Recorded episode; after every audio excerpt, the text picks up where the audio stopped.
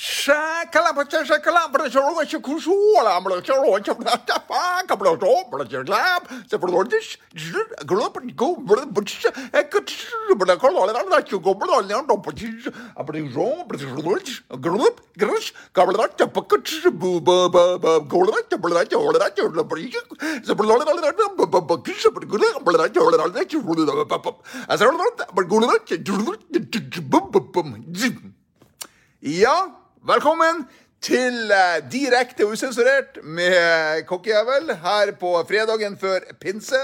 Og eh, vi vet jo alle hva som skjedde i eh, pinsehelga. Det var da Den hellige ande kom ned til apostlene med, eh, som en tunge. Eh, ild, tunge av ild som satte seg ned på eh, skuldra til eh, apostlene. Og det gjorde at de kunne tale i alle verdens eh, språk. Eh, hvor eh, det å kunne tale i alle verdens språk Etter hvert utvikla det seg da til å tale helt fullstendig uforståelig. Uh, og kalles å tale i tunger, da. Det å tale med Guds uh, For Gud gjennom det, at Gud, Guds ord strømmer uh, da gjennom eh, din kropp. Eh, jeg kjente det også nå når jeg talte i tunge, at det var en ganske mektig opplevelse. Og Eh, før vi går videre på den, nå begynner jeg å snakke ivrig, snakker i taler i tunger. Eh, det er fredag 21. mai, faktisk. Eh, pinsehelga. Og eh, jeg ønsker å ønske, jeg ønsker å ønske alle dere velkommen til direktesendinga på Facebook, og dere som velger å høre eh, direkte og usensurert med Kokkejævel eh, som podkast, eh, når og hvor dere enn måtte ønske det. Om det er i pinsehelga eller om det er et år, det vet ikke jeg noe om. Jeg bryr meg ikke om det heller, men nå er det i hvert fall sagt. Og ingenting skal være usagt i det programmet her. Hvor var vi? Jo, å tale i tunger. Jeg har faktisk vært med i eh, noe som heter Livets Ord. Det er en sånn kristen organisasjon. Og der var det, det var i min ungdom, da. Der snakka vi masse i tunger, og det var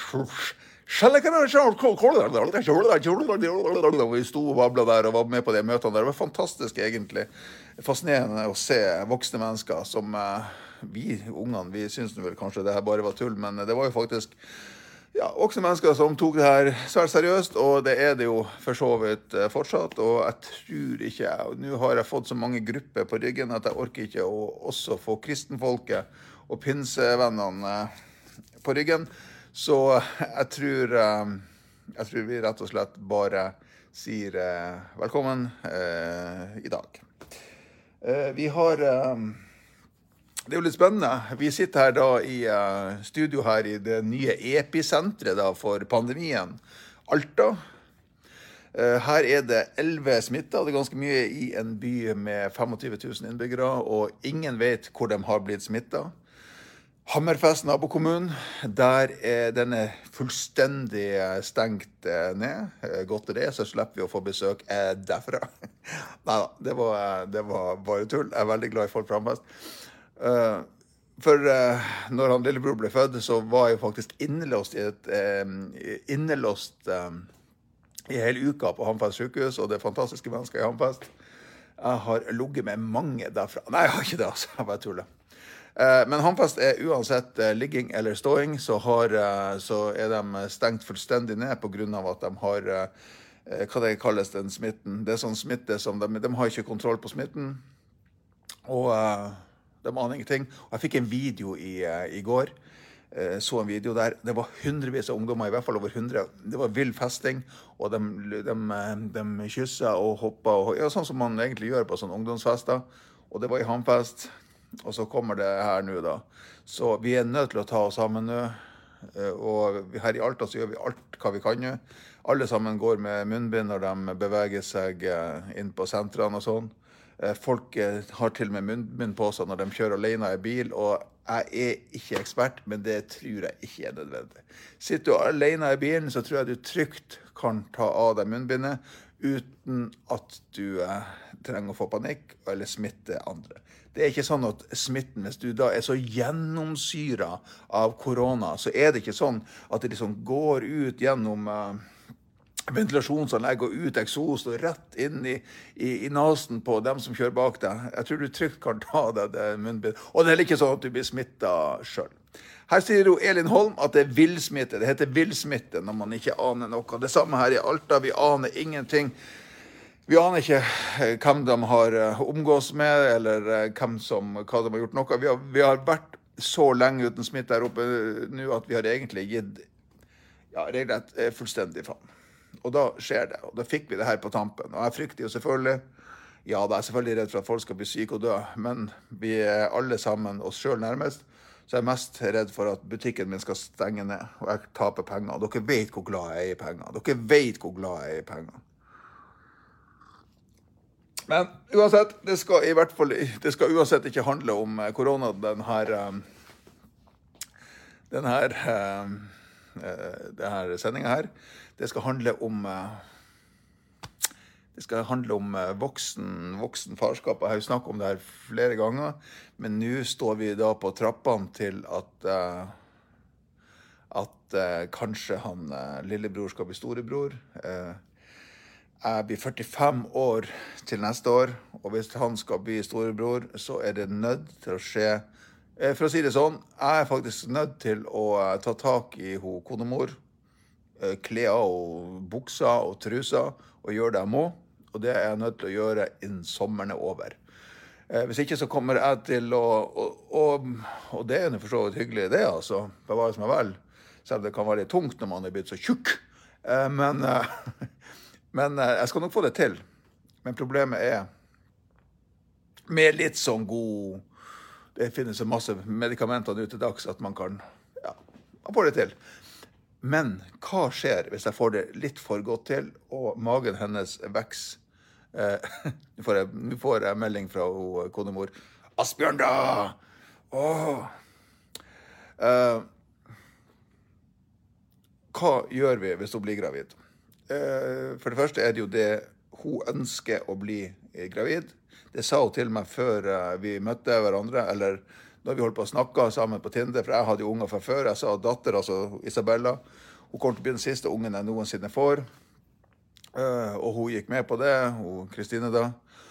Og så og så Og når hun da gikk med på at hun skulle bli barnløs Jeg forsto at hun mente at, at hun jeg forsto jo at, at, skulle jeg bli med denne dama her, så måtte jeg gi henne et barn. Og det gjorde jeg. Så kom jo da lille vakre, han som da døde. Men så kom jo da lillebror da, nå i fjor. Og da og jeg er 44, jeg blir 44 år nå i år, og skal jeg ha en unge til, så må det skje nå. For jeg orker ikke å være 46-47. Det, det, det, altså det er ikke en gammel alder å være pappa i. Det er ikke det som er problemet. Problemet er at jeg ser for meg sjøl ti år fram i tid, 20 eh, år fram i tid. Om 20 år, når ungen er 20 mm, år, så vil jeg faktisk være 65 år. Eh, jeg tenker faktisk at jeg, fikk, jeg skrev jo om det her i bloggen i morges også, og jeg tenker at jeg faktisk skal eh, Og Bente Ellersen sier 'jeg flirer så jeg skriker'. Du er ikke sann, altså. Det spørs om konemor er enig med deg der. Jeg er litt usikker på det. Jeg tror rett og slett jeg skal, for å liksom innlede det her voksen farskap eh, Om det er, egoist, er det egoistisk å bli far i så gammel alder som meg? For at eh, statistisk sett så det, har jeg jo ikke så mange av livets dager igjen. Så vi får se. Jeg skal rett og slett eh, prøve å lage et resymé av den bloggen som jeg skrev i morges, og så eh, tar vi det derfra. 2.9.2022 er det 45 år siden jeg ble sendt ned til menneskene, altså dere. Og jeg vil anta at jeg har færre dager igjen på jorda enn de jeg allerede har brukt opp. Jeg er statistisk sett godt over halvveis i livet, og det er faktisk egentlig helt greit for meg hadde det ikke vært for I går så la jeg ut en blogg som jeg posta på akkurat samme dato i fjor. Nemlig bloggen der jeg fortalte dere alle sammen at han lillebror var venta til verden. Og nå er han faktisk blitt over sju måneder gammel. gammel. Han krabber rundt, han spiser brød, brødskiver si sjøl og klatrer opp trappa faktisk hvis vi ikke stopper han. Tipper han går av seg sjøl i løpet av juni, faktisk. Han bruker fortsatt pustealarm på natta, men den tynne, fine huden på magen tåler snart ikke mer av festeplasteret, og vi må snart rett og slett bare ta sjansen på at han puster når vi står opp. Han er så sterk og frisk og stor, men jeg er ikke klar for det riktig ennå. Jeg blir faktisk kvalm bare ved tanken hvis jeg skulle finne enda en livløs unge når jeg våkner.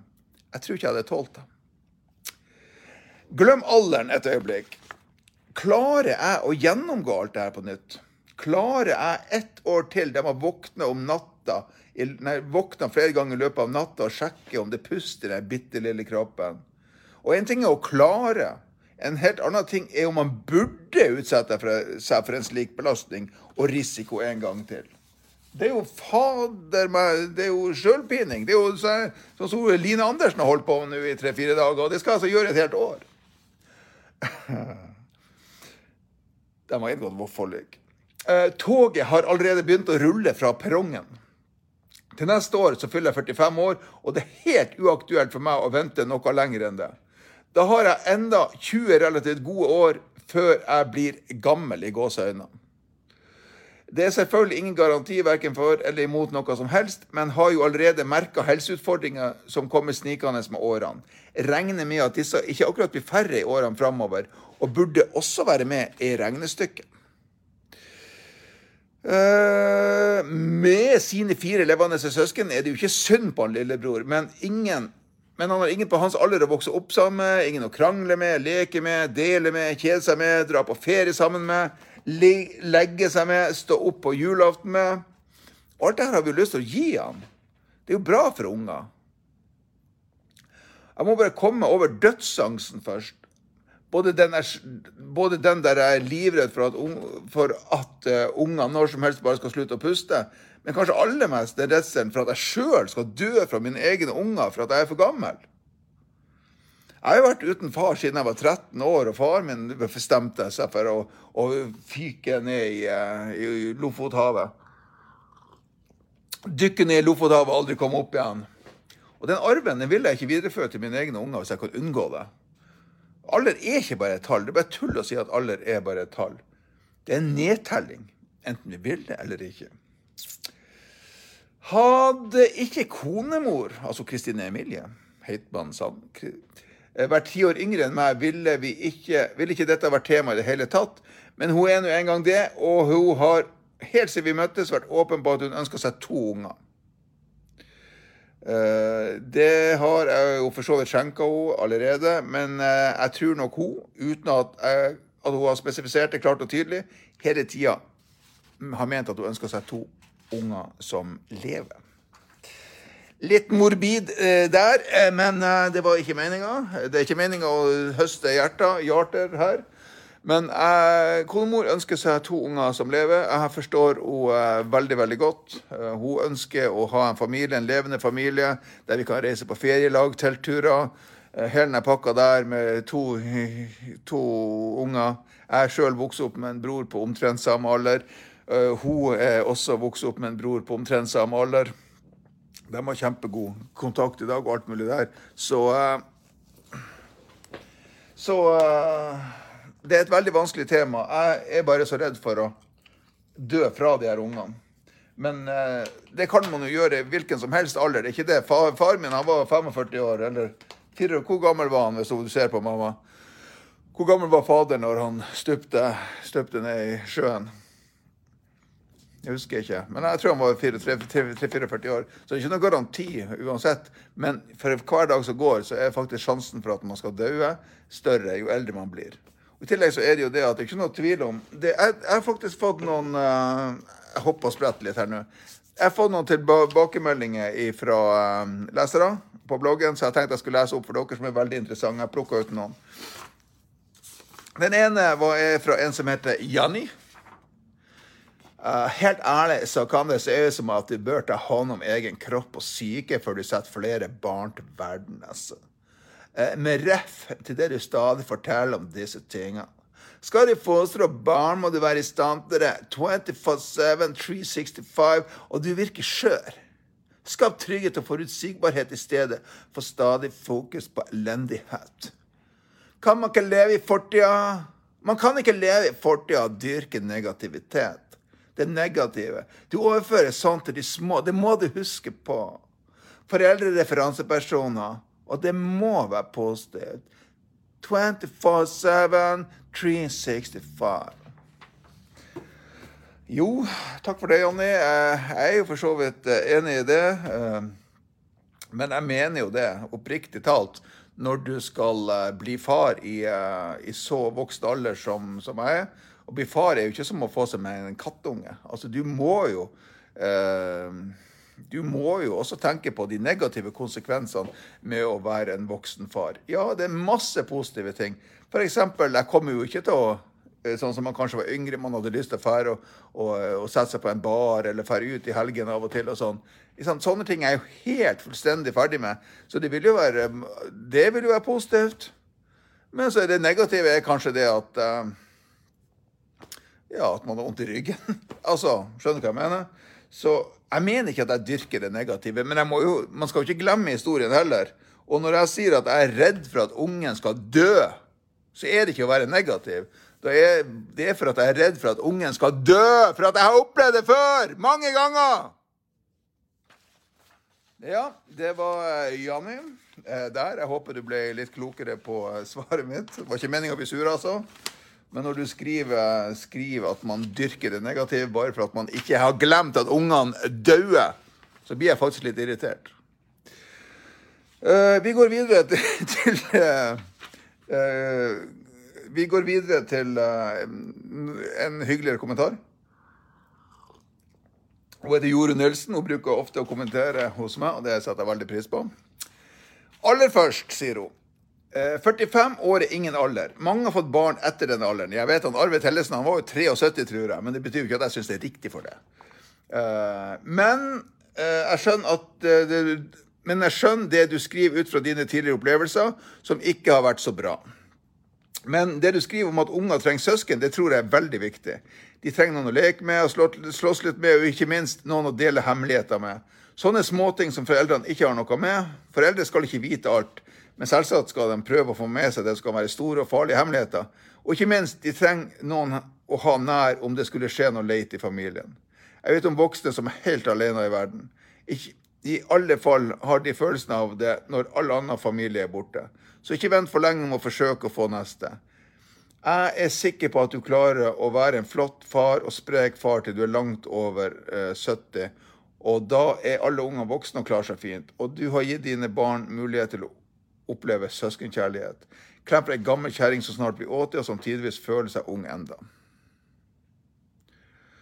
Uh, ja, jeg er helt enig med med Jorunn Nilsen, og takk for kommentaren. Astrid Ella Krane Sundheim sier skal dere ha flere unger, så må dere lage det nå. Og dø, det vet man aldri. Uansett så er man reddere at ungene skal Så er man reddere at ungene skal gå bort. Nei, ja, jeg er helt enig med deg. Skal vi ha unger, så må det skje nå. Så for det første så må alles forskjell Hvis uh, han lillebror blir um, blir sånn storebror uh, til neste år. Og så går Kristine går jo også på skole, så det skal jo passe med det. Uh, men da må ungen komme til neste år, og hun må bli gravid til høsten, har vi regna ut. Og da har jeg tid til å kjøpe de medikamentene jeg trenger for å klare å gjennomføre det som skal til eh, for å unngå adopsjon. Britt Hansen hun sier det kommer ikke an på hvor gammel du er, men hvor du er gammel. Så lenge du er ung til sinns, noe du er med din humoristiske måte å ordlegge deg på. Og med en ung kone så ser jeg ingen problem her. Du er nesten voksen nok til at barna blir førsteprioritet, og det er det mange unge som glemmer i jaget på selvrealisering. Der er du inne på noe veldig veldig viktig. Jeg var inne på det sjøl også. Så unge i dag de skal selv realisere seg, og det er ikke måte på. Og noe, noe som også har reagert på, og det er ikke meninga å dømme dere, men jeg kunne aldri noensinne tenkt på til å gjøre det, det er å reise på ferie uten ungene mine når de var små eh, på sånn venneferie og storbyferie og alt mulig sånn, og skal unger være, være uh, hjemme? Jeg kunne aldri falle meg inn. Uh, fikk min første barn som 21-åring, og min siste som nesten 40. Mangler seks dager, så sier ingenting. 39. Angrer ikke. Gi konemor det hun ønsker seg, og glem bekymring. Og så får jo det hun ønsker seg. uh, og husk happy wife, happy life. Ja, jeg vet det. Men herregud, hun har akkurat fått en ring. Hun har akkurat fått en ring. Og den herlige den herlige fyren her. Se på den herlige fyren. Fy faen, hvor heldig, hvor heldig du er å få en sånn her mann! Vi på reisninga og se på meg sjøl. Skal vi se. Jeg skjønner godt at jeg ikke er blitt kontakta av de store podkastbyråene. Skal vi se. Om Marte sier da. Eh, Mannen min, mann blir 45 i juni, og jeg er 13 år yngre. Vi venter vårt tredje barn i juli. Da er kommende storesøstre, ene i himmelen, eh, ondt å høre, 21, mån, 21 måneder gammel. Her har man følt på uh, de samme bekymringene som du beskriver over med tanke på barn, alder og barn, men nå er det bare glede. Ønsker dere alt godt og en fin pinse. Og så svarer henne da. Gratulerer. Det er for øvrig ikke bare Det er for øvrig ikke det å være småbarnsfar som 45-åring som jeg problematiserer. Det er at om 20 år så er vi ikke 45 år lenger. Det er det som er problemet. Og så sier hun at uh, dere er ikke de første, og ikke de siste. Langt eldre menn som blir pappa. La fokuset, la fokuset på alle ligge. Kos deg heller med barn og konemor. Skap masse gode minner. Investering i helsen har du jo allerede startet, med alle fjellturene. Ja, jeg vet. Og, men jeg tror det er veldig mange er veldig mange som uh, sier at uh, jeg skal komme tilbake til det. Jeg skal bare lese opp den der. Og Kristin Opheim Steinbakk sier Herregud, hvor mange meninger. Jeg og mannen min, jeg og mannen min er 52 og 56 og har ei på seks år.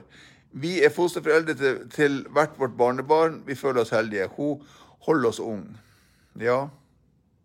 Men samtidig, statistisk sett, så har dere flere dager på jorda som dere har brukt opp, enn dere har igjen. Så enkelt er det bare. Det høres grusomt ut, og når jeg sier det til konemor, så blir hun trist og lei seg. Men, ikke, men jeg, sier det, jeg, sier det, ikke for å være Og du skal bli lei deg, sier jeg. Men altså, sånn er det bare. Om, ty, om 30 år så er jeg 75 år, hvis jeg lever så lenge. Og det gleder meg faktisk veldig til, for jeg skal begynne å røyke igjen. Å herregud, når jeg blir 75 år, skal jeg begynne å røyke. Jeg skal røyke Marlboro Light, Prince Mill, uh, eller whatever. egentlig. Jeg blir å røyke alt som jeg kan få tak i som er lovlig. da. Mest sannsynlig så er jo ikke sigaretter lovlig, da. Men jeg kommer til, å jeg gleder meg. Jeg har jo røkt siden jeg var 14. Og har slutta nå jeg vet ikke, 5, 6, 7, 8 år. Men når jeg, når jeg, blir gammel nok til at kreften ikke klarer å utvikle seg eh, ordentlig, så skal jeg Å, herregud, hvor jeg skal røyke! Og det her sier jeg ikke for å være gøy, altså. Det, det kommer jeg til å gjøre.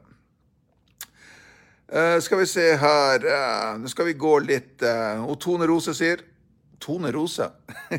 Nå flirer jeg på en god måte, Tone Rose, men, men heter du Tone Rose? For det ligner litt på Tone, Tone Rose. Er det her tull, eller er det det du heter? Det, hvis du heter Tone Rose, så er det helt fantastisk. Og Tone Rose hun sier, hun sier uh, klem på. Mye bedre å, enn å ligge enn å sove i 100 år. Nei, det var dårlig. Det var dårlig. Klem på. Uh, krysser fingrene for tvil tvillinger! Nei, vi skal ikke ha noen tvillinger. Er det nok, jeg er livredd for å få tvillinger. Uh, ikke, nei, jeg vil ikke ha tvillinger. Da, da, da jeg holdt på å si, går og henger meg, men det, det, det, gjør jeg ikke, altså. Uh, nei, det, jeg vil ikke ha tvillinger. Jeg syns det er helt fantastisk med lillebror nå og, og, alt mulig sånn. Og han er akkurat nok til at Kristine klarer å ta seg av ordentlig av han uten at jeg er nødt til å våkne. Um, OK. Skal vi se her Monica Anton sier Og husk at du snart skal kan få barnebarn. Det var bra du sa kan og ikke skal, for da hadde jeg tenkt i helsike hva du vet som ikke jeg vet! Jeg skal ikke ha noe barnebarn ennå. Inger Anita Lie sier «Eh, dere klarer det, men bli ikke mindre engstelig. Men bli ikke, du, har, du er ikke altfor gammel. Du er jo tross alt mann. En flott mann. Dere kan jo få barn så lenge spermen lever. La det skje, la det flomme, la det sprute. Dere klarer det. Du har skrevet det på rim. Kone, mor, lillebror er klare. Du Ikke bland inn han lillebror i det her. Det blir bare så ekkelt og makabert. jeg ser jo for meg spermen spruter, og konemor og lillebror står der og bare drypper og renner. Æsj! Nei! Gå videre, gå videre. Æsj! Æsj! Bjørn Roger Holtan sier hva med trillinger? Uh, hø, høvert, uh, supert. ja, hø sjøl. Dessuten, trillinger det får man bare når det er som prøverør, gjør man ikke det? Så det er jeg ikke redd for. Hun Linda Lorentzen sier om man blir pappa som 50 eller over, har ingenting å si så lenge man er ung i hodet. Helsa er OK om man er enig som par om det. Nei, ikke, nei, jeg er helt enig med deg. Altså, Som 50-åring det, altså, det er ingen problem å være, være bli pappa som 50-åring eh, og alt mulig sånn.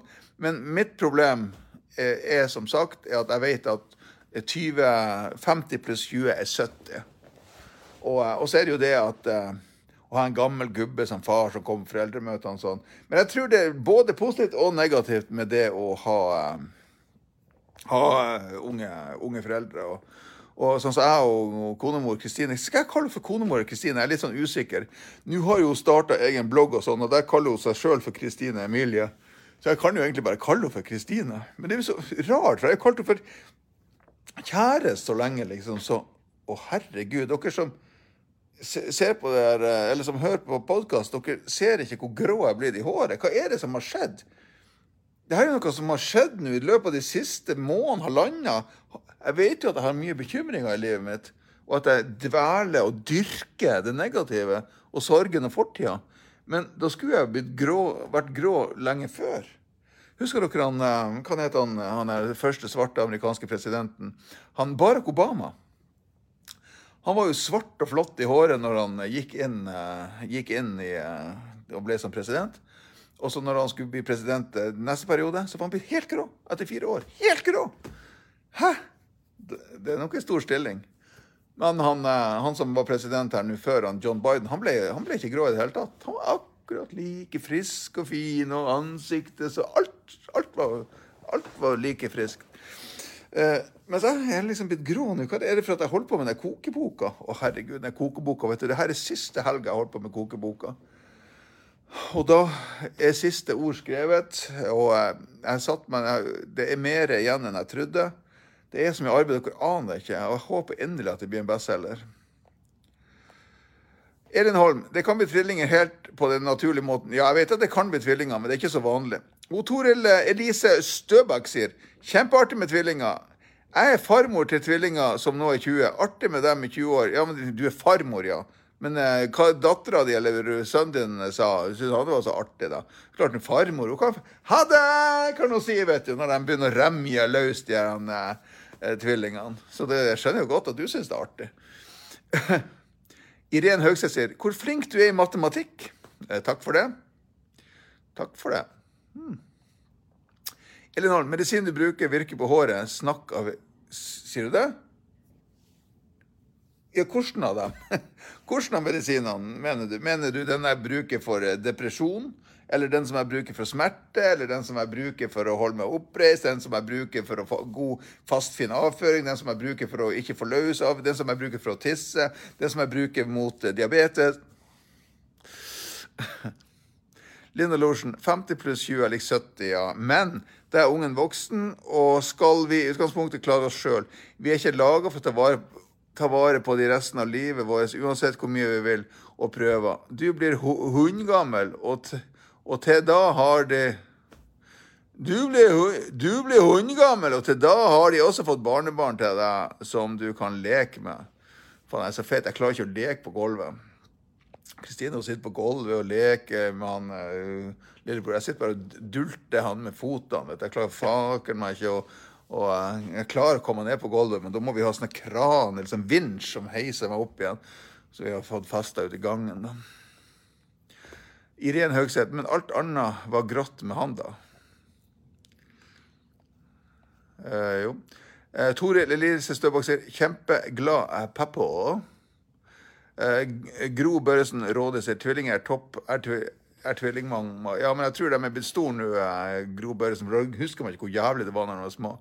Elin Holm, depresjon. Håret mitt er blitt grått og tynt sånn over natta. Spør frisøren.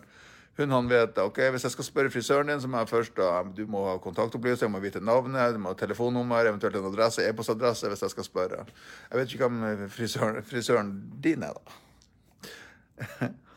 det var litt artig. Henny Elisabeth Haug sier det første som slo meg da jeg slo på sendingen, var så grå som Aspen er blitt i håret. Seriøst? Men grått er flott? Ja, jeg er helt enig. Jeg har ikke vært sånn her før. Det er noe som har skjedd den siste uka. Se nå på det her. Nei, det her går ikke an. Jeg kan ikke gå rundt sånn her. En ting å bli eldre. Jeg har ingenting mot å bli eldre og at jeg skal dø, men jeg kan faen ikke være grå i håret! Åh, hvordan skal folk nå ta meg seriøst? En sånn tjukk 44-åring som sitter og jorrer mannskitt med grått hår. Nei, vet du det her Elin Holm sier 'din egen frisør'. OK. Uh, Toril Lisbeth, du er nå morsom, du. Takk for det. Men for å ødelegge det morsomme, så skal vi tilbake til det vi egentlig snakka om. Det var uh, forskjellen mellom uh, gammel, ung Gammel og ung far, foreldre. Det her gjelder ikke bare å være far, det gjelder jo også foreldre. Men først og fremst fedre. For jeg tror mødre de, de gjør det så godt de kan uansett. Det er kanskje vi fedre også, egentlig. Ja, men i hvert fall. Jeg tenkte jeg skulle lese et kapittel av eh, boka 'Livet mellom måltjenere' av den nordnorske forfatteren Asbjørn P. Sandøy. Kom ut i fjor, 2020. Ble en formidabel bestselger i et par-tre dager. Eh, før det dabba litt av, dessverre. Men eh, vi hadde en to-tre utrolig gode dager der den solgte veldig godt. Så den skal jeg lese ifra nå. Er jeg riktig heldig, så kan det jo være at noen blir frista til å kjøpe den også. Uh, all right. Dette kapitlet heter 'Barndommen tar slutt'. Skal vi se. For dere som ser direktesendinga, så kan jeg jo gjøre sånn. Her ser dere unge herr Sandøy der. Det var vel antakelig 19 år. Brun og fin. Og der var flott. Å, fy faken, for en mann! Dere som eh, eller gutter, dere som uh, hører podkast, jeg sitter nå og viser bilder av uh, Jeg var veldig glad i å gå i bar overkropp. Jeg var veldig stolt over kroppen min da. Jeg var rundt uh, ja, 83 kilo. Jeg mente sjøl faktisk at jeg var tjukk, men jeg syns jeg hadde fin overkropp. Syns jeg for så vidt fortsatt. Jeg har ikke vært så jævla grå i håret. Barndommen tar slutt. Hun var nesten seks år eldre enn meg, men vi var, vi var like gamle likevel. Jeg var 18, og hun var 23. Hun hadde vært vikar på ungdomsskolen, og alle vi guttene syntes hun var fin. Jeg fikk henne, ikke på ungdomsskolen, men på et utested noen år senere. Hun kjørte meg hjem til hybelen, og ble der. Vi flytta sammen etter bare noen måneder. Fikk oss katt, to faktisk, Balder og Afasi. Vi måtte trene, for vi hadde nemlig bestemt oss for å få unger. Året etter kom Daniel, og jeg ble plutselig pappa, og dermed en slags mann. Det, riktig, det, er ikke riktig sånn det fungerer, men jeg trodde det.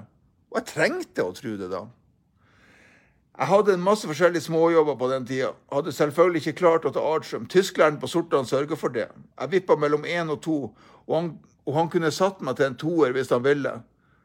Dette var jo bare andre klasse, og jeg hadde fått muligheten til å ta meg sammen i tredje klasse og fullføre. Men han likte meg ikke og landa på en ener. Dermed måtte jeg ta eksamen i andreklassetysken for å få lov til å fullføre tredjeklassetysken.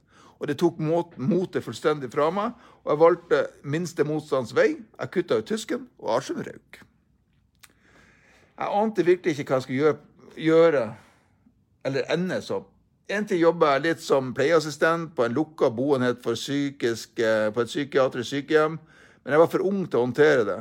Og da jeg ble drapstrua av en tungt psykiatrisk pasient som ville smelle en knivskarp, knivskarp skiferstein rett i panna på meg, og bare tilfeldigheter gjorde at jeg kom fra episoden med livet i behold, så takka jeg for meg.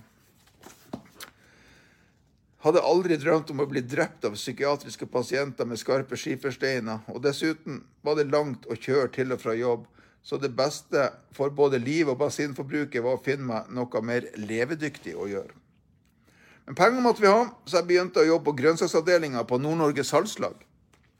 Fikk jobben via min tidligere svoger. Det virka som en helt grei jobb. Jeg skulle pakket frukt og grønnsaker på paller til ulike kunder. Men aldri noensinne har jeg mistrivdes så voldsomt. Ikke engang i Sigefjord. Det var ingen som var slem, men jeg passer overhodet ikke inn i den voldsomme maskuline kulturen blant slaktere og lagerarbeidere og truckførere. Jeg, jeg, har egentlig aldri vært flink med, med mannfolk. I alle fall ikke når mange samla samtidig. Det er noe med den høylytte humoren og historiene som ble fortalt, og latteren som jeg aldri fikk taket på. Jeg vil heller aldri hatt typiske maskuline interesser. Biler, båter, scootere og fotball interesserer meg midt på ryggen. Jeg klarte ikke, eller torde ikke, finne på noe å snakke om som ikke omhandla jobben. Og det er jo begrensa hvor interessant det er å snakke om eple, druer og stangselleri en hel arbeidsdag. Uh, pausene, og de syns jeg det var mange av, var verst. Da skulle man samles rundt et bord og ha det artig. Etter halvannen times jobbing var det et drøyt kvarters kaffepause. Uh, før man jobba litt for lunsj og ny kaffepause, fulgte halvannen time før arbeidsdagen var over. Og heldigvis røkte jeg på den tida. Masse. Så foran hver lunsjpause røkte jeg alltid et par sigaretter ute før jeg gikk opp og spiste i den felles kantina. Jeg spiste, spiste alltid det samme. Tre brødskiver med Norvegia uten smør. Jeg har aldri likt smør. Jeg brekker meg av det. Jeg rulla skivene sammen for at det skulle gå raskere å tygge. Jeg tok aldri varmmat. Det tok for lang tid å spise. Og etter maten gikk jeg ut igjen og røykte de siste ti minuttene av pausen. Gikk ikke inn på røykerommet, men sto ute på trappa. Det var bedre luft der ute, sa jeg. Og det var jo på mange måter sant. Et helt år jobba der, og jeg grua meg hver eneste dag. Heldigvis skulle jeg inn i førstegangstjenesten høsten etter, og det var det eneste som holdt meg oppe. Samt den lille familien min, som jeg måtte forsørge. Fortsatt så var jeg jo bare 19 år gammel.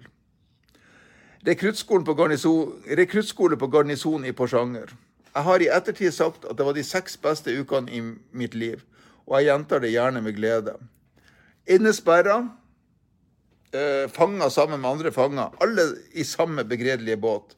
Selv om det definitivt også var et maskulint miljø, så kom vi alle samtidig. Alle like usikre og nervøse. Det er et vilt fremmed verden. Noen hadde gleda seg, andre hadde grua seg, men ingen av oss visste egentlig hva som skulle skje, eller hvorfor. Bare at vi måtte møte opp og bli der. Grytidlig hver morgen skulle rommet være vaska. Seks unge mann, mannfolk, eller menn som jeg skrev i boka, helt i startgropa av et voksent liv, måtte samarbeide om grønnsåpe og lakenstrekk og skopus. Én for alle, alle for én. Rommet ble ikke godkjent, og det ble heller ingen frokost for alle de seks sengene. Alle uniformene og skoene var i perfekt stand. Jeg liker systemene, i alle fall hvis de er gode. Jeg liker rutiner og et klart hierarki. At alle vet hva de skal gjøre, når de skal gjøre det, og at det alltid er en over deg som kontrollerer at jobben blir gjort skikkelig. Jeg tror jeg hadde trivdes i et diktatur, gjerne med meg sjøl som diktator. Men det er ikke noe absolutt krav. Hadde nok trivdes med en annen på toppen også, i alle fall så lenge jeg hadde sluppet å skru på biler, fjerte åpenlyst og snakke om motorsykler og pupper. Siden jeg var pappa til en liten gutt, søkte jeg om overflytting etter rekruttskolen til et heimevernkontor i Alta.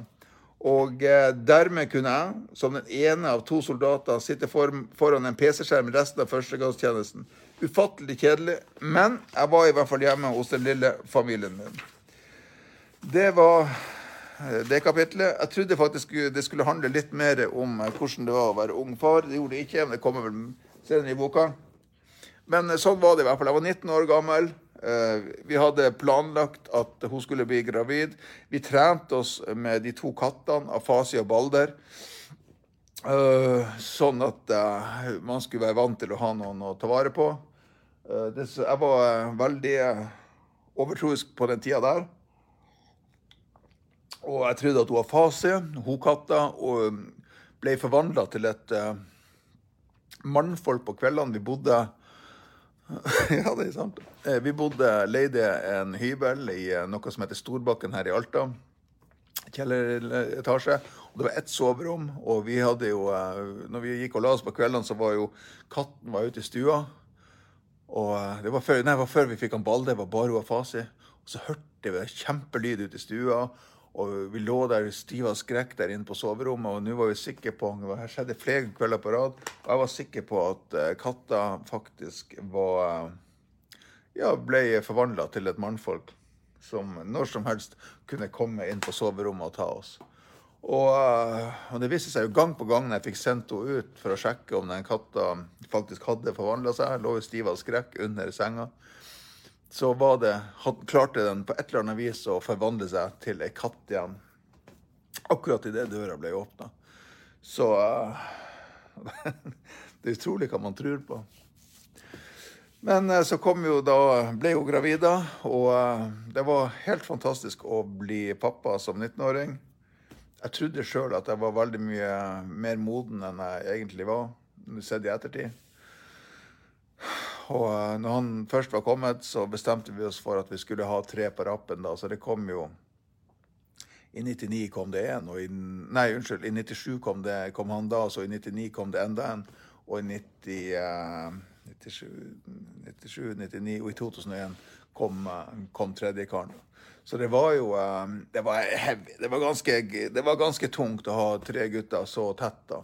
Jeg jobba mye, og, og, eh, og Så det, det, gikk i jobb, og det gikk i familielivet i, ti år. Det gjorde det. Men jeg ville ikke vært det foruten. Det var, jeg ville ikke, gutt, ville ikke vært guttene foruten. Absolutt. Men uh, jeg er blitt mer voksen, jeg er blitt mer moden, og jeg vet at uh, jeg vet at jeg har mer fokus på han lillebror. Man er mindre sjølsentrert når man er 40 Eller man burde i hvert fall Jeg er i hvert fall det. Eh, jeg, jeg er ferdigrealisert, kan du si. Jeg har, ja, jeg har prosjekt jeg skal gjennomføre, og sånn, men, eh, men eh, jeg er blitt så trygg på meg sjøl. Jeg er ikke en usikker 19-åring lenger som ikke aner hva man skal leve av, eller noe som helst. Så jeg tror det er godt å være Det er godt å være voksen. Jeg er veldig, veldig glad for at jeg er blitt voksen. Men jeg klarer å se lenger. Det er ikke for å være negativ. Jeg, jeg, eh, det er ikke for å være negativ at jeg eh, tenker framover med tanke på ungene. Og så er det jo selvfølgelig også det at uh, ingenting man, man, har ingen, man, har jo ingen garanti for at noe skulle uh, vare evig, selv om man er gift og sånn, så plutselig så ryker det nå til helvete. ikke sant? Og da står man der og må betale Jeg tør å si det. Betale barnebidrag for to i stedet for én. Og uh, barnebidragene regnes på en helt ufattelig rar måte uh, på Nav, uh, som er Jeg vet ikke hvem som har satt opp de regnestykkene der, men jeg, har veldig mange unger. og vi bruker i hvert fall ikke så mye penger per måned Eh, på ungene og strøm og bil som man gjør etter at man blir eh, skilt. Det er helt ufattelig. Gå inn på Nav sin bidragskalkulator, så ser dere. Og så tar dere gange det med to. Det svaret man får. For det må jo ganges med to. Ja, OK, en unge koster så og så mye, og så må du plusse de to tingene sammen. Og det er klart at en unge koster jo ikke 9000 10 000 um, kroner etter skatt. Det er, helt, det er helt vilt. Og jeg vet at det har tatt knekken på veldig veldig mange, spesielt menn, da selvfølgelig. For det er jo eh, vi som stort sett sitter igjen med ja, bidragsbyrden. Sånn er det bare. Sånn er det fortsatt i 2001, dessverre. Men ungene koster. Altså, jeg sier ikke at man ikke skal betale for ungene sine. Det skal man faken meg gjøre. Men uh, det er forskjell på å barbere seg og hakke hodet av med ishakke. Sånn er det. Hva dere mener? Hva dere mener om, uh, om det å uh, bli foreldre i, i godt voksen alder? Og, og, ikke det med å være foreldre når man er 45, for vi er alle sammen enige om, tror jeg, at det, det er trygt og godt for unger å ha foreldre som uh, er voksen, har relativt, som, som, har opplevd både opp- og nedturer og alt mulig sånn. Så det er ingen som betviler at voksne foreldre er, er bra. Men det, det, er liksom det når du har passert Når ungene blir 10-20 år, kanskje 30 år, da, så hadde det jo vært hyggelig å, å kunne sett at uh, dem bli voksne og vokse opp og, og sånn. Eller er det bare jeg som tenker så, så grundig nei, gjennom de her tingene her? Altså, når jeg fikk mine første, første unger, så kan man jo kanskje si at jeg tenkte for lite gjennom det. Og nå kan man kanskje si at jeg tenker for mye gjennom det, men jeg tror ikke det. Altså, det er fanken meg det største Det største man skal gjøre Det største man kan lage her i verden, det er jo faktisk å skape et nytt liv. Og så skal det livet fylles med innhold og og Ja. Det er, det er så vanskelig, det der. Men sånn, så har du det med at han skal bli eh, Det er viktig å ha søsken og vokse opp. Du kan si hva du vil, ofte nå barna er sikkert i kirke, men enebarn blir dem ikke litt sånn bortskjemt og, og, og drittunger? Jeg tror det. I hvert fall i våre dager når vi er så rike og alt mulig sånn Alt Sånn som når mine gutter var tre, så Vi hadde én familieinntekt, og det måtte deles på dem i familien. Men hadde det bare vært én gutt, så hadde vi hatt den samme inntekta, men bare én unge å dele, dele det på. Da hadde, vi kanskje, da hadde vi hatt råd til å dra til Hawaii for eksempel, i stedet for Tyrkia. Altså, det var det første jeg kom på. Eller eh, uh, Og Inger Bednarsk sier syns ikke alder har så mye å si, så lenge man kan ta vare på dem. Ja.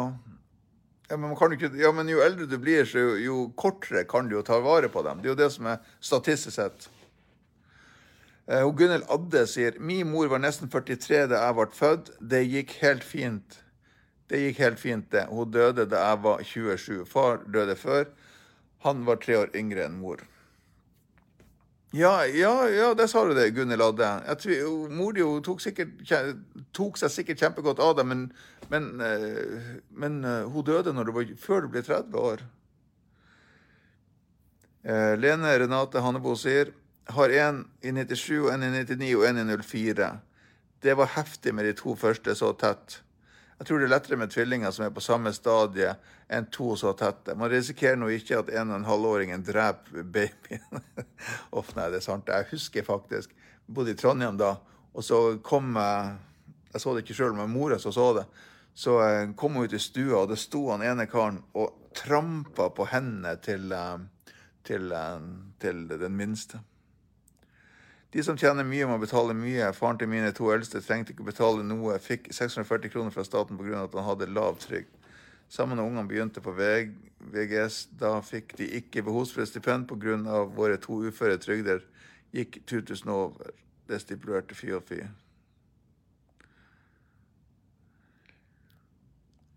Ja, men de som tjener mye, koster en unge mer enn bare for at, uh, bare for at man tjener mye. Det er jo det man, jo, man må jo regne ut hva en unge koster, ikke hva, hva man tjener. Eh, Ranvi Steen Aane sier aldri bare et tall. Jeg kjenner med det der. Jeg vet om flere som har blitt far når de har fylt 60. Eh, jeg dømmer ingen Ranvi Steen Aanes, men 60 år, da mener jeg at du tenker mer på deg sjøl enn enn, enn på ungen din. For at når du da er 70 år og er ungen din 10 år, og når du er 20 år, så er du 80 år Nei, det, vet du, jeg syns det er litt egoistisk. Monica Antonsen sier kan jo selvfølgelig bare svare for meg sjøl, men jeg ville absolutt ikke hatt flere barn når jeg er 45. Skal ha et liv etter barna. Også var det dette med barnebarn, da. Uh, jo, man skal ha et liv etter Ja, akkurat. Ja, ja, men det kommer jo an på hva andre Hvilket liv man ønsker. Jeg, jeg, har ingenting imot å ha et liv med, med unger og, og sånn. Ja. Broren min han sa han fikk unger da han var 50. Livet er mer enn unger. Og det har han eh, for så vidt rett i.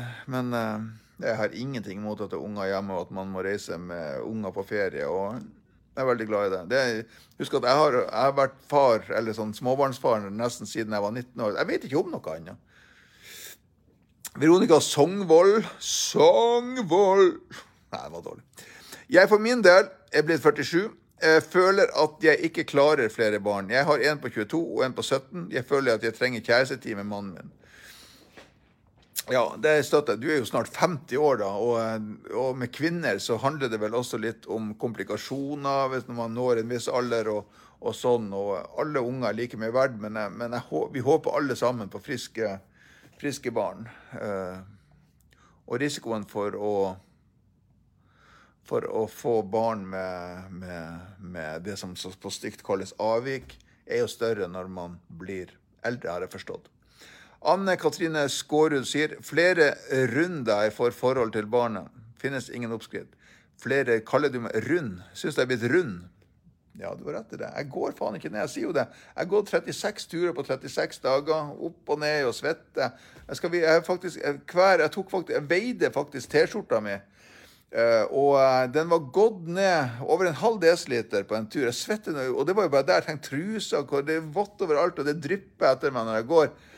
Og likevel så har jeg gått opp to kilo. Så noen er runde og, og grå, og noen eh, er andre. Elin han, pappa var 42 da jeg ble født, og han døde bare dager etter min 18-årsdag. Det har vært tungt, ja, i mange år. Uh, ja, ikke sant. Det er trist. Men døde han på, døde han på grunn av alder? Ja, ikke sant? det er større sjanse for å dø etter at du når en viss alder. Gunhild Adde sier 'se på Arve Tellefsen'. Uh, ja, se på Arve Tellefsen. Jeg dømmer ingen, men jeg syns det er egoistisk å få barn når du blir gammel. Uh, Lene Renate Hannebo, det gjør jo ikke det. Så er, så er jo en syk utregning på det meste nå for tida. Ja, det er helt sykt, det der. Men vi skal ikke gå inn i den debatten der. Eh, Liss det skal vi ta i en annen sending. Liss Juliussen, jeg har ett barn, kan ikke si at hun er bortskjemt. Eh, har aldri forlangt dyre ting hos meg. Nå vet ikke jeg hvor gammel hun er. Uh, og folk som skjemmer bort ungene, de innrømmer det veldig sjelden, vil jeg tro. Det er ingen som sier at uh, 'jeg har ett barn, og jeg skjemmer henne veldig bort', hun er blitt både ufyselig og ekkel. Nei, det er veldig få som som sier det, så I don't believe you. Nei da. Det kan godt være at du har klart å holde Men samtidig så, nu, samtidig så har jo Hun har i hvert fall aldri vært nødt til å delt ressursene deres eh, mellom seg og eh, søsknene. Det har aldri vært snakk om at Nå vet jeg ikke hvor god råd dere har, og sånn, men eh, eh hvis du f.eks. har 1000 kroner du har råd til å, å, å gi um, ungene dine i klær i måneden, f.eks. Altså, det her er bare eksempel. Så har du én, så har du råd til å gi hele tusenlappen. Har du tre, så er det, er det bare 333 per unge. Så, uh, så det spørs ikke om man legger begrepet 'bortskjemt' også. Gunnhild Adelse tror hun mente rundt. Nei, ja da, det skjønte jo jeg også. Jeg prøvde jeg prøvde bare å være litt morosam. Jeg prøvde bare å være litt morosam. Liss Juliussen hun er nå 22. Men du, Liss Juliussen, det har vært faktisk litt interessant å høre om henne sjøl. For vi er jo så bortsett alle sammen i Norge. Det er jo bare helt uh, ufattelig. Ja, nei, sånn er det. Nei, så det Sakens uh, Vi kommer jo ingen vei med det her. Det er forskjellige meninger, selvfølgelig. Noen syns at det er greit å bli far som, uh, som 45-åring. heldigvis er jo Kristine Eh, heldigvis er jo Kristine ti år yngre enn meg da. Eh, og det er jo ikke noe tvil om at, jo, eh, at hun er veldig flink med unger. Og, og hun gjør mer. hun gjør mer enn en meg med, med han lillebror. Monica Antonsen, misforstå meg rett. Jeg kan også gjerne ha barn i huset hele livet. Saken er jo at disse barna har en tendens til å få egne barn, og da vil jeg ha ork til å glede meg over barnebarna uten å ha småbarn selv. Jeg, jeg støtter deg fullt ut, jeg støtter deg fullt ut, eh, Monica Antonsen. Men i mitt tilfelle så er det jo sånn at jeg, jeg eh, gikk gjennom et samlivsbrudd og begynte sammen med en dame som var barnløs, eh, og som, ikke, og som var ti år yngre enn meg. Og da, man, da må, det må man jo bare forholde seg til og ta, ta eh, konsekvensene av. da. Uh, ingen har vondt av å lære og dele heller, så lenge man har kjærlighet nok. Nei, ingen, ingen har vondt av å dele. All right. Siden det er fredag i dag, så vi skal slutte å snakke om det her nå. Fordi at uh, det kommer mest sannsynlig uh, Hvis jeg skal gjette, så kommer jeg nå til å dra hjem snu, snu på Snu brette over uh, kjøkkenbenken og uh, be om å hakke salat. Nei da, men, men Vi skal ha sånn laksetaco. Vi har sånn vegetarisk uh, uke nå, men det er lov å spise fisk, har vi funnet ut i vårt vegetariske liv. Så vi skal prøve å bare spise vegetarmat. Eller fisk, da, som vi kaller det. Så i dag blir det lakstaco, eller laks i sånn tortillalefser sånn. Men så, det som kommer til å skje nå, det er det at hun ønsker seg to. Jeg er en veldig, veldig snill mann. Etter hvert, uh, når jeg får de medikamentene som hjelper, så det, blir det sikkert lettere for meg å gjennomføre det som skal til. Nei, det blir bare tull der. For nå kjenner jeg at jeg får sånn boner her. Nei, tuller. Det var en spøk. Det var en spøk. Uh, hvor jeg var han? Nå ble jeg satt ut av meg sjøl. Nå ble jeg faktisk flau på, jeg ble, nå ble jeg flau på egne vegne, faktisk. Jeg håper ingen av ungene mine ser det her. Jeg håper også mamma eh, Heller, Jeg har ikke sett uh, Torgeir Sander ser på, så jeg håper ikke ser på. Jeg håper ingen som jeg kjenner på, ser det her programmet. Uh, I det hele tatt, jeg håper ingen ser på det her programmet, eller hører på det her programmet. Uh, hvor Jo, så Det som mest, mest, sannsynlig kommer til å skje, er jo som jeg skrev her Happy wife, happy life. I know, I know, I know. Uh, og jeg er villig til å strekke meg langt, jobbe hardt, i hvert fall en to-tre minutter for å få det her til, og gi henne det hun ønsker seg. Uh, ja, det ble bare tull nå. Alt ble bare tull. Men mest sannsynlig så kommer jeg til å skrive på bloggen i høst at hun konemor er gravid igjen. Og for alt du vet, så er hun det allerede. Det var det. Dagens kulinariske triks. Det er helg. Det er pizza og det er taco hele pakka. Og det er greit hvis du er flink å bake og du holder på å elte og knar de deigene dine i 10-20-30 minutter, sånn at, det, at det, går an å se gjennom dem når du strekker dem, så er det ingen problem å lage pizzadeig. Men kjøp pizzagjær. Ikke bare til pizza, men til uh, f.eks. når du lager er kanelsnurrer. Det er så sinnssykt mye lettere å kjevle ut um... Nei, vi glemte jo vignetten! Uh, eller jingle.